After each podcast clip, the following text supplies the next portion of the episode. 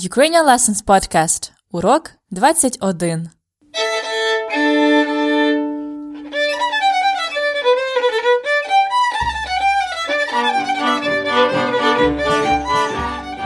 Привіт, друзі! Hello, friends! I'm happy to be back with Урок 21, the episode that starts the second part of the first season of the Ukrainian Lessons podcast. If it's the first time you listen to the podcast, all you need to know is that you can learn and practice your conversational Ukrainian here. Each episode, you can listen to the dialogue in Ukrainian, and then I will guide you through the vo- words and expressions and give some grammar explanations that will allow you to express yourself in the same kind of situation. Today, at the Ukrainian Lessons podcast, we will be talking about the language skills. Якими мовами ви говорите? Which languages do you speak? Let's find out which languages my friend and I speak. Let's go! Let me introduce my friend first. Scott is my American student and the most motivated Ukrainian learner I know. Each single weekday, he gets up one hour earlier to learn some Ukrainian. He's been doing this for more than one year now and he can communicate with Ukrainians very well. In our conversation, I asked Scott якими мовами ти говориш? Which languages do you speak? Якими мовами ти говориш? Let's listen how the dialogue goes on. Remember that we will have a closer look at the words and phrases after you listen to the dialogue twice. Готові? Почнімо. First time. Скажи, будь ласка, Скот, якими мовами ти говориш? Я говорю англійською і трохи українською. А ти? Я вільно говорю англійською, російською. Також непогано розмовляю польською, іспанською і трошки французькою. А моя рідна мова українська.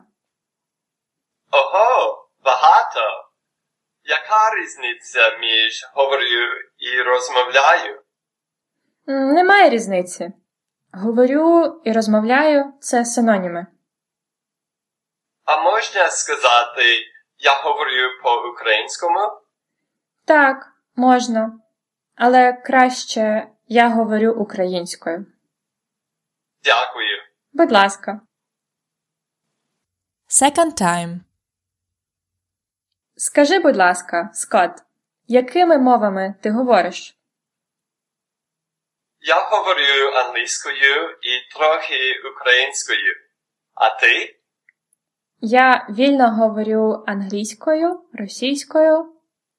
Також непогано розмовляю польською, іспанською і трошки французькою. А моя рідна мова українська. Ого, багато. Яка різниця між говорю і розмовляю? Немає різниці. Говорю і розмовляю це синоніми.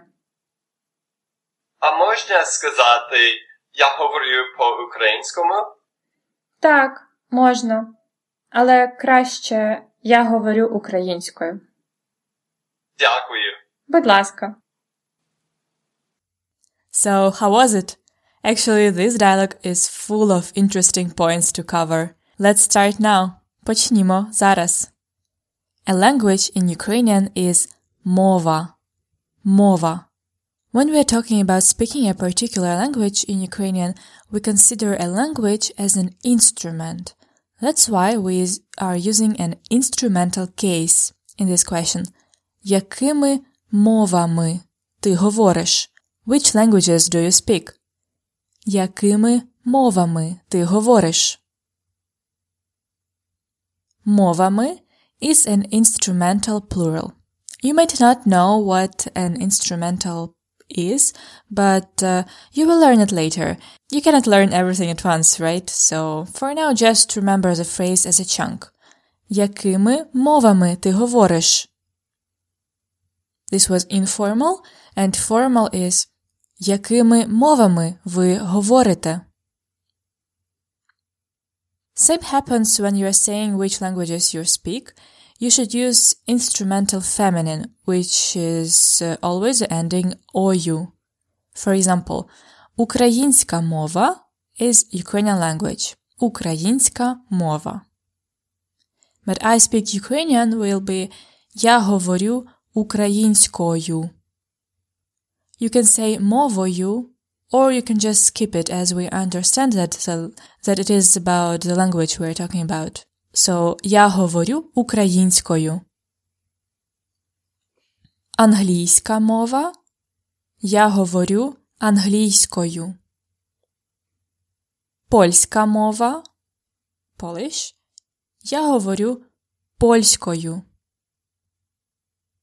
Російська мова. Russian. Я говорю російською. Іспанська мова. Spanish. Я говорю іспанською. Французька мова. French. Я говорю французькою.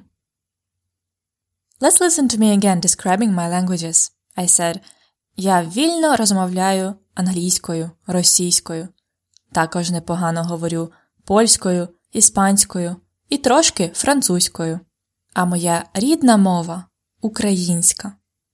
So again, я вільно говорю англійською, російською. Вільно is literally freely. Вільний is free. So when it comes to languages, it just means fluently. Вільно. Я вільно говорю англійською. Також непогано розмовляю польською, іспанською і трошки французькою. Непогано is not bad. It's like a humble way to say добре, good. Погано is bad, badly. Непогано not bad. Я непогано розмовляю іспанською. Трохи, трошки, трішки. All these cute words mean a little, a little bit. Я трошки розмовляю французькою. А моя рідна мова українська. Рідна мова is a native language. Рідна мова. Моя рідна мова українська. А твоя? My native language is Ukrainian. And yours? Scott made a good point asking me a question. Яка різниця між говорити і розмовляти?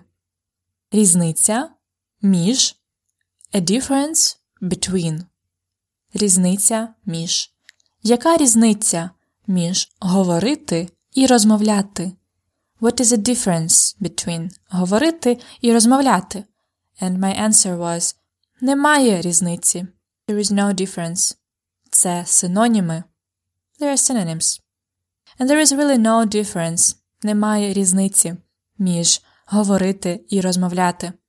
In some parts of Ukraine, one might be used more than another, as розмовляти is closer to Polish language, so it will be used more to the west, and говорити will be used more to the east as it's similar to Russian, and everyone in Ukraine understands both words, of course.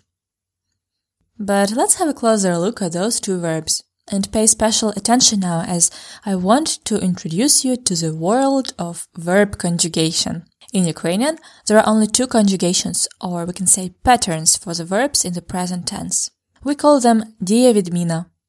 Перша дієвідміна is conjugation one. Usually it has endings uh, uh, with e or ye, and for they, вони, the ending is уть or ють. So e, ye, уть, ють. Розмовляти belongs to this pattern. Перша дієвідміна. Here is how we conjugate it. Repeat. Я розмовляю. Ти розмовляєш. Він розмовляє. Ми розмовляємо. Ви розмовляєте. Вони розмовляють. So, see we had розмовляєш, розмовляє, розмовляємо. And for вони was ють. Вони розмовляють. Говорити is a second conjugation. Друга дієвідміна. Instead of e, it will have и in most of the endings, and for they, it has ать or ять. Listen and repeat. Я говорю. Ти говориш. Він говорить. Ми говоримо. Ви говорите. Вони говорять. So we heard more «и» at the end, and вони was ять, говорять. Now let's simply compare the conjugations. Розмовляти is first one and говорити second one. Я розмовляю, я говорю. See, for я, it's the ending is always the same. It's either у or you. Ти розмовляєш, ти говориш. Here we see the difference є, єш, розмовляєш, and и, иш, говориш. The same happens next. Він розмовляє, він говорить. Ми розмовляємо, ми говоримо. Ви розмовляєте, ви говорите. And pay special attention to the вони. Вони розмовляють, вони говорять. Ють is for first one, ять for second one. So the goal of today's lesson is just to show you this різниця, this difference between two conjugations. And in the next episodes, we will have a closer look at the formation and use of them. And now, why don't we relax, uh, have a rest from the grammar, and listen to the dialogue again. Готові? First time. Скажи, будь ласка, Скотт, якими мовами ти говориш? Я говорю англійською і трохи українською. А ти? Я вільно говорю англійською, російською. Також непогано розмовляю польською, іспанською і трошки французькою. А моя рідна мова українська. Ого, багато. Яка різниця між говорю і розмовляю? Немає різниці. Говорю і розмовляю це синоніми. А можна сказати, я говорю по-українському? Так, можна.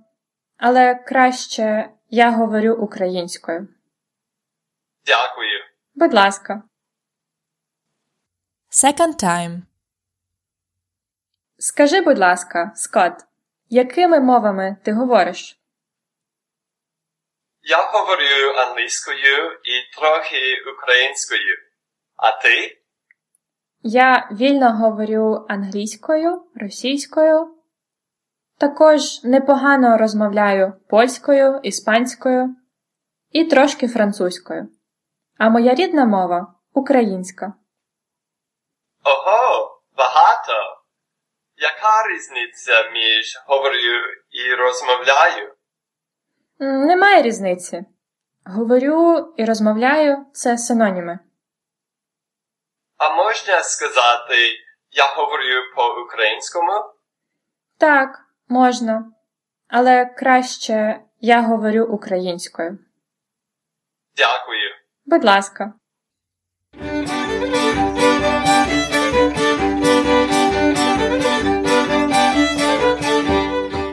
As usual, after we listen to the dialogue again, we have some practice time. Let's do this. I will ask you a question, whether you speak a language, and you answer. For example, I say, Ви говорите польською? Do you speak Polish?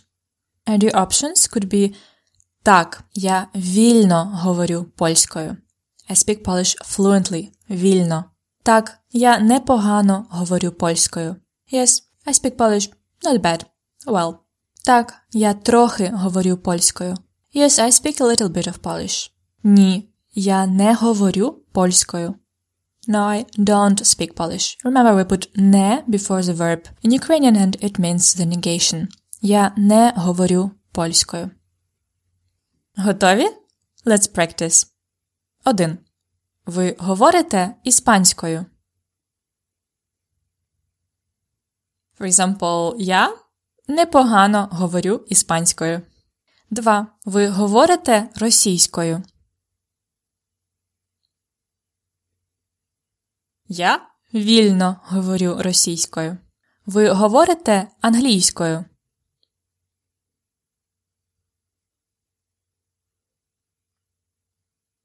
Я добре говорю англійською. Ви розмовляєте французькою?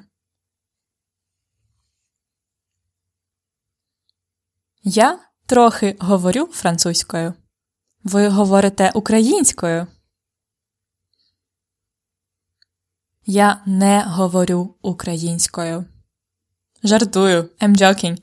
Я говорю українською. Це моя рідна мова. Якими мовами ви говорите? Don't forget to leave a comment on Facebook or on our website to tell us all about the languages you speak. I would love to know. Go to ukrainianlessons.com slash episode 21.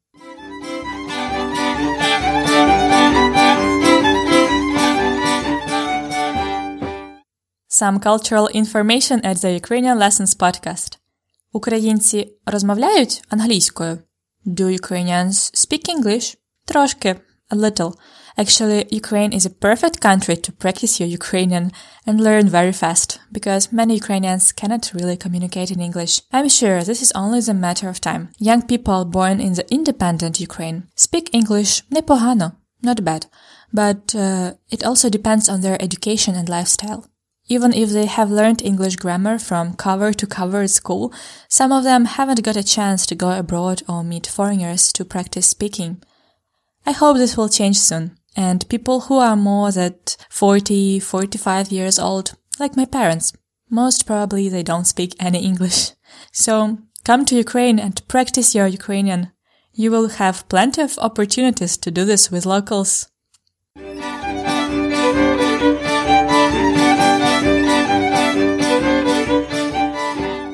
And that was it. Hope this episode was useful for you and now you can talk about your language skills. Remember that you can take a big step further if you are a premium member of the Ukrainian Lessons podcast. Each lesson we prepare as lesson notes, a PDF with transcription, translation, detailed explanations, word lists and bonus exercise for more and more Ukrainska mova. To find out more, go to ukrainianlessons.com slash episode 21. ukrainianlessons.com slash episode 21. Чудового вам дня! Have a great day! До побачення!